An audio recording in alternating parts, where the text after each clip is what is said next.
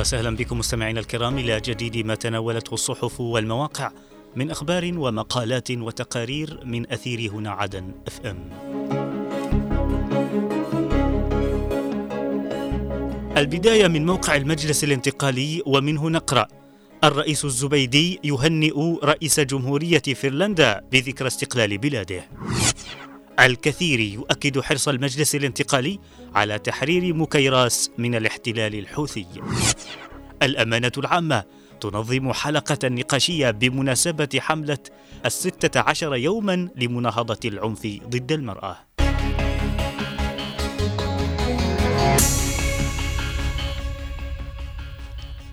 بعث الرئيس القائد عيدروس قاسم الزبيدي رئيس المجلس الانتقالي الجنوبي نائب رئيس مجلس القيادة الرئاسي برقية تهنئة إلى فخامة ساولي نينيستو رئيس جمهورية فنلندا بمناسبة ذكرى استقلال بلاده.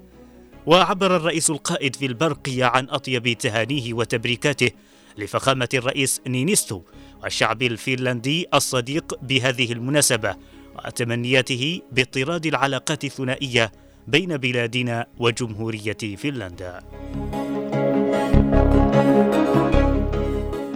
أكد القائم بأعمال رئيس المجلس الانتقالي الجنوبي رئيس الجمعية الوطنية علي الكثيري خلال لقائه أمس رئيس تنفيذية انتقال مكيراس عبد رب الجيشاني حرص قيادة المجلس الانتقالي على تحرير مكيراس من الاحتلال الحوثي وعودتها إلى حاضنة الجنوب واستمع الكثير خلال اللقاء من الجيشاني إلى شرح لنشاط الهيئة في المديرية وأبرز الصعوبات التي تواجهها. نظمت دائرة المرأة والطفل بالأمانة العامة في العاصمة عدن أمس حلقة نقاشية تحت عنوان العنف ضد المرأة الأسباب النتائج المعالجات.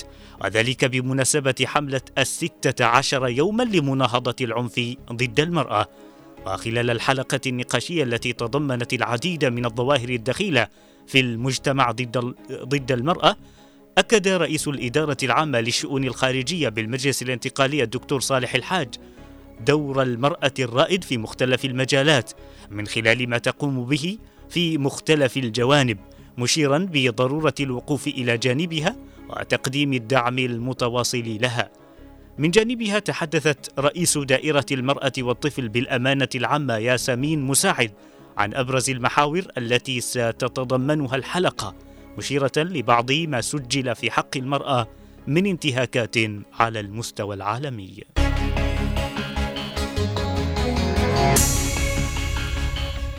وإلى موقع درع الجنوب مستمعين ومنه نقرأ في ذكرى استشهاده لملس يوجه بتنفيذ المرحلة الثانية لتأهيل كورنيش الشهيد جعفر.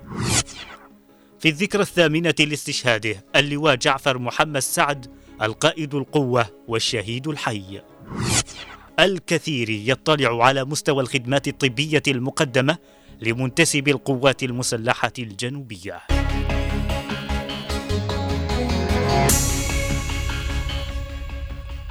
وجه وزير الدولة محافظ العاصمة عدن أحمد حامد لملس بتنفيذ المرحلة الثانية من إنشاء وتأهيل كورنيش الشهيد جعفر محمد سعد وذلك بالتزامن مع الذكرى الثامنة لاستشهاده وستتضمن المرحلة الثانية من المشروع استكمال ما تم تسويره في مطلع هذا العام وذلك وفق تصميم إبداعي ليسهم في تطوير المتنفسات بالعاصمة عدن. ثمانية أعوام مضت على فاجعة اغتيال الشهيد البطل الكبير بسجاياه ووطنيته وتضحياته وتواضعه وإثاره اللواء جعفر محمد سعد القائد المغوار والخبير العسكري الفذ الذي صار من الرموز النخبة الذين يعشقون الموت حبا في الوطن. لا يزال الجرح غائرا وما تزال العاصمة عدن مكلومة صامتة حزينة متألمة نادمة ومتحسرة. على فقدان الشهيد الحي الإنسان الرجل الشجاع طيب القلب نقي السريره ذي الوجه البشوش والفكر النير والعقلية العبقرية. اللواء جعفر محمد سعد رحمه الله وطيب ثراه وأسكنه الجنة مع الأبرار. كان الشهيد اللواء جعفر محمد سعد منازلا ضاريا عنودا لأكثر التحديات شراسة وأبلغ التعقيدات ضراوة. لم يجبن أو يخشى في الله لومة لائم. قائدا خلق وجبل على امتطاء صهوة الأنواء والخطوب الجسام والمواقف الصعبة وتمكن بزمن قياسي ورغم التحديات والصعوبات والعراقيل والتيارات الظلامية الإجرامية ومؤامرات صناع الموت وأعداء الحياة. استطاع أن يعيد البسمة والتفاؤل لأهالي وسكان مدينة الحب والسلام العاصمة عدن الذين أحبوا صدقه وإصراره وتفانيه ووفاءه الذي استوطن قلوب كل من عرفه عن كثب وشاهد بأم عينيه بصماته الواضحة من أجل عودة الروح والحياة لمسارها الطبيعي وانتصار الحق واندحار قوى الشر والباطل والظلام. كان الشهيد اللواء جعفر يدرك أن العاصمة عدن لا زالت بحاجة له يعلم أنها تستغيث به وتطلب نجدته فوافق أن يتقلد منصبا سياسيا كمحافظ لهذه المدينة التي تتوق لأحد أبنائها ومحبيها لقيادتها والمحافظة عليها.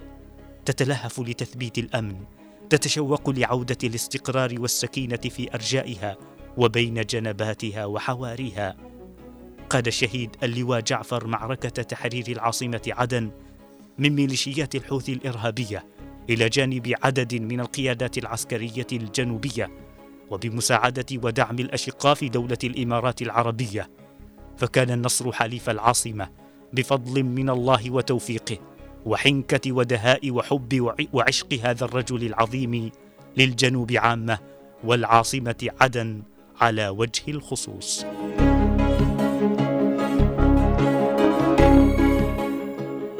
اطلع القائم بأعمال رئيس المجلس الانتقالي الجنوبي رئيس الجمعية الوطنية علي الكثيري خلال لقائه أمس رئيس الهيئة الطبية العليا للقوات المسلحة الجنوبية عارف الداعري ونائب مدير الخدمات الطبية العسكرية بوزارة الدفاع جمال الدحيل على سير عمل الهيئة ودائرة الخدمات الطبية.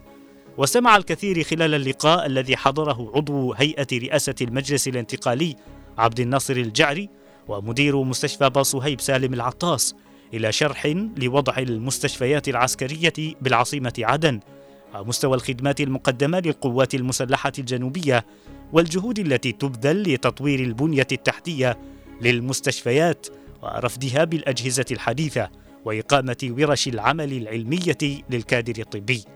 وشدد الكثير على ضرورة التنسيق المشترك بين الهيئة الطبية العليا ودائرة الخدمات بالوزارة وإدارة المستشفيات العسكرية لضمان استمرار الخدمة.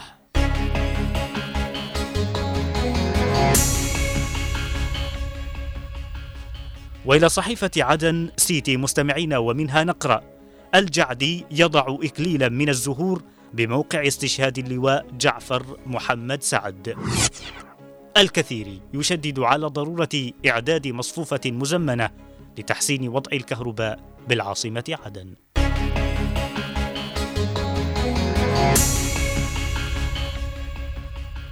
قام الأمين العام للأمانة العامة فضل الجعدي بمعية وزير الدولة محافظ العاصمة عدن أحمد حامد لملس أمس بوضع إكليل من الزهور أمام اللوحة التذكارية بموقع استشهاد اللواء جعفر محمد سعد محافظ العاصمة عدن الأسبق في ذكرى استشهاده الثامنة. في الفعالية التي حضرها مساعد بل وفي الفعالية التي حضرها مساعد الأمين العام عبد علي النقيب ورئيس الهيئة الشبابية نزار هيثم أشار الجعدي إلى ما قام به الشهيد جعفر من تضحيات في سبيل الحق والعدل مؤكدا بأنه كان رمزا من رموز الشجاعة والإيمان بقضية شعب الجنوب وقد تحمل مسؤولية إدارة العاصمة في ظل الظروف الصعبة وقدم حياته ثمنا لمواقفه البطولية بعد أن طالته أيادي الغدر والإرهاب.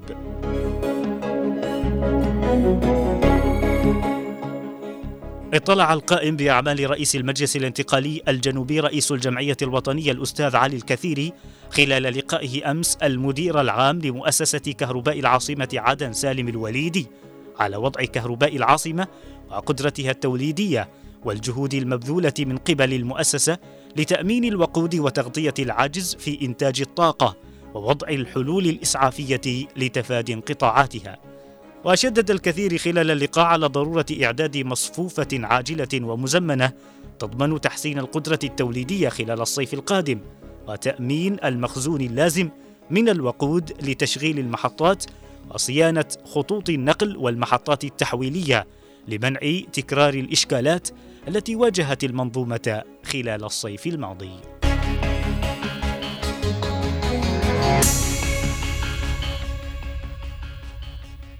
وإلى صحيفة المشهد العربي مستمعين ومنها نقرأ نذر مجاعة مروعة سكان يدفعون كلفة الإرهاب الحوثي.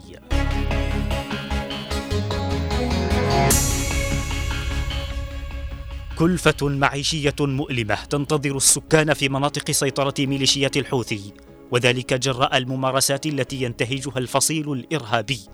ذلك بعد رفضها التوصل لاتفاق مع برنامج الأغذية العالمي. الذي أعلن محدودية تمويله. الأمر الذي جعله يتخذ قرار خفض عدد المستفيدين من الغذاء. برنامج الأغذية العالمي وعبر بيان له قال بأنه لم يتوصل لاتفاق مع الحوثيين في نسبة تخفيض عدد المستفيدين من تسعة ملايين وخمسمائة ألف مستفيد إلى ستة ملايين وخمسمائة ألف مشيرا إلى أنه اتخذ هذا القرار الصعب مع الدول المانحة قبل ما يقارب العام. الأكثر رعبا من ذلك هو نفاذ مخزون الغذاء في المناطق الخاضعة لسيطرة الحوثي بشكل كامل. وفي حال تم التوصل إلى اتفاق مع الميليشيات فاستئنافه يحتاج إلى ما يقارب أربعة أشهر بحسب بيان البرنامج. وصول الوضع المعيشي في صنعاء وبقية المحافظات اليمنية الخاضعة لسيطرة الحوثي إلى هذا الحد من التردي أثار فزعا واسعا لدى المواطنين هناك. الذين أرهقوا بشتى أنواع العذاب جراء الممارسات والانتهاكات التي تمارسها الميليشيات تجاههم وهو أمر قد ينذر بوصول هذا التردي المعيشي إلى حد المجاعة.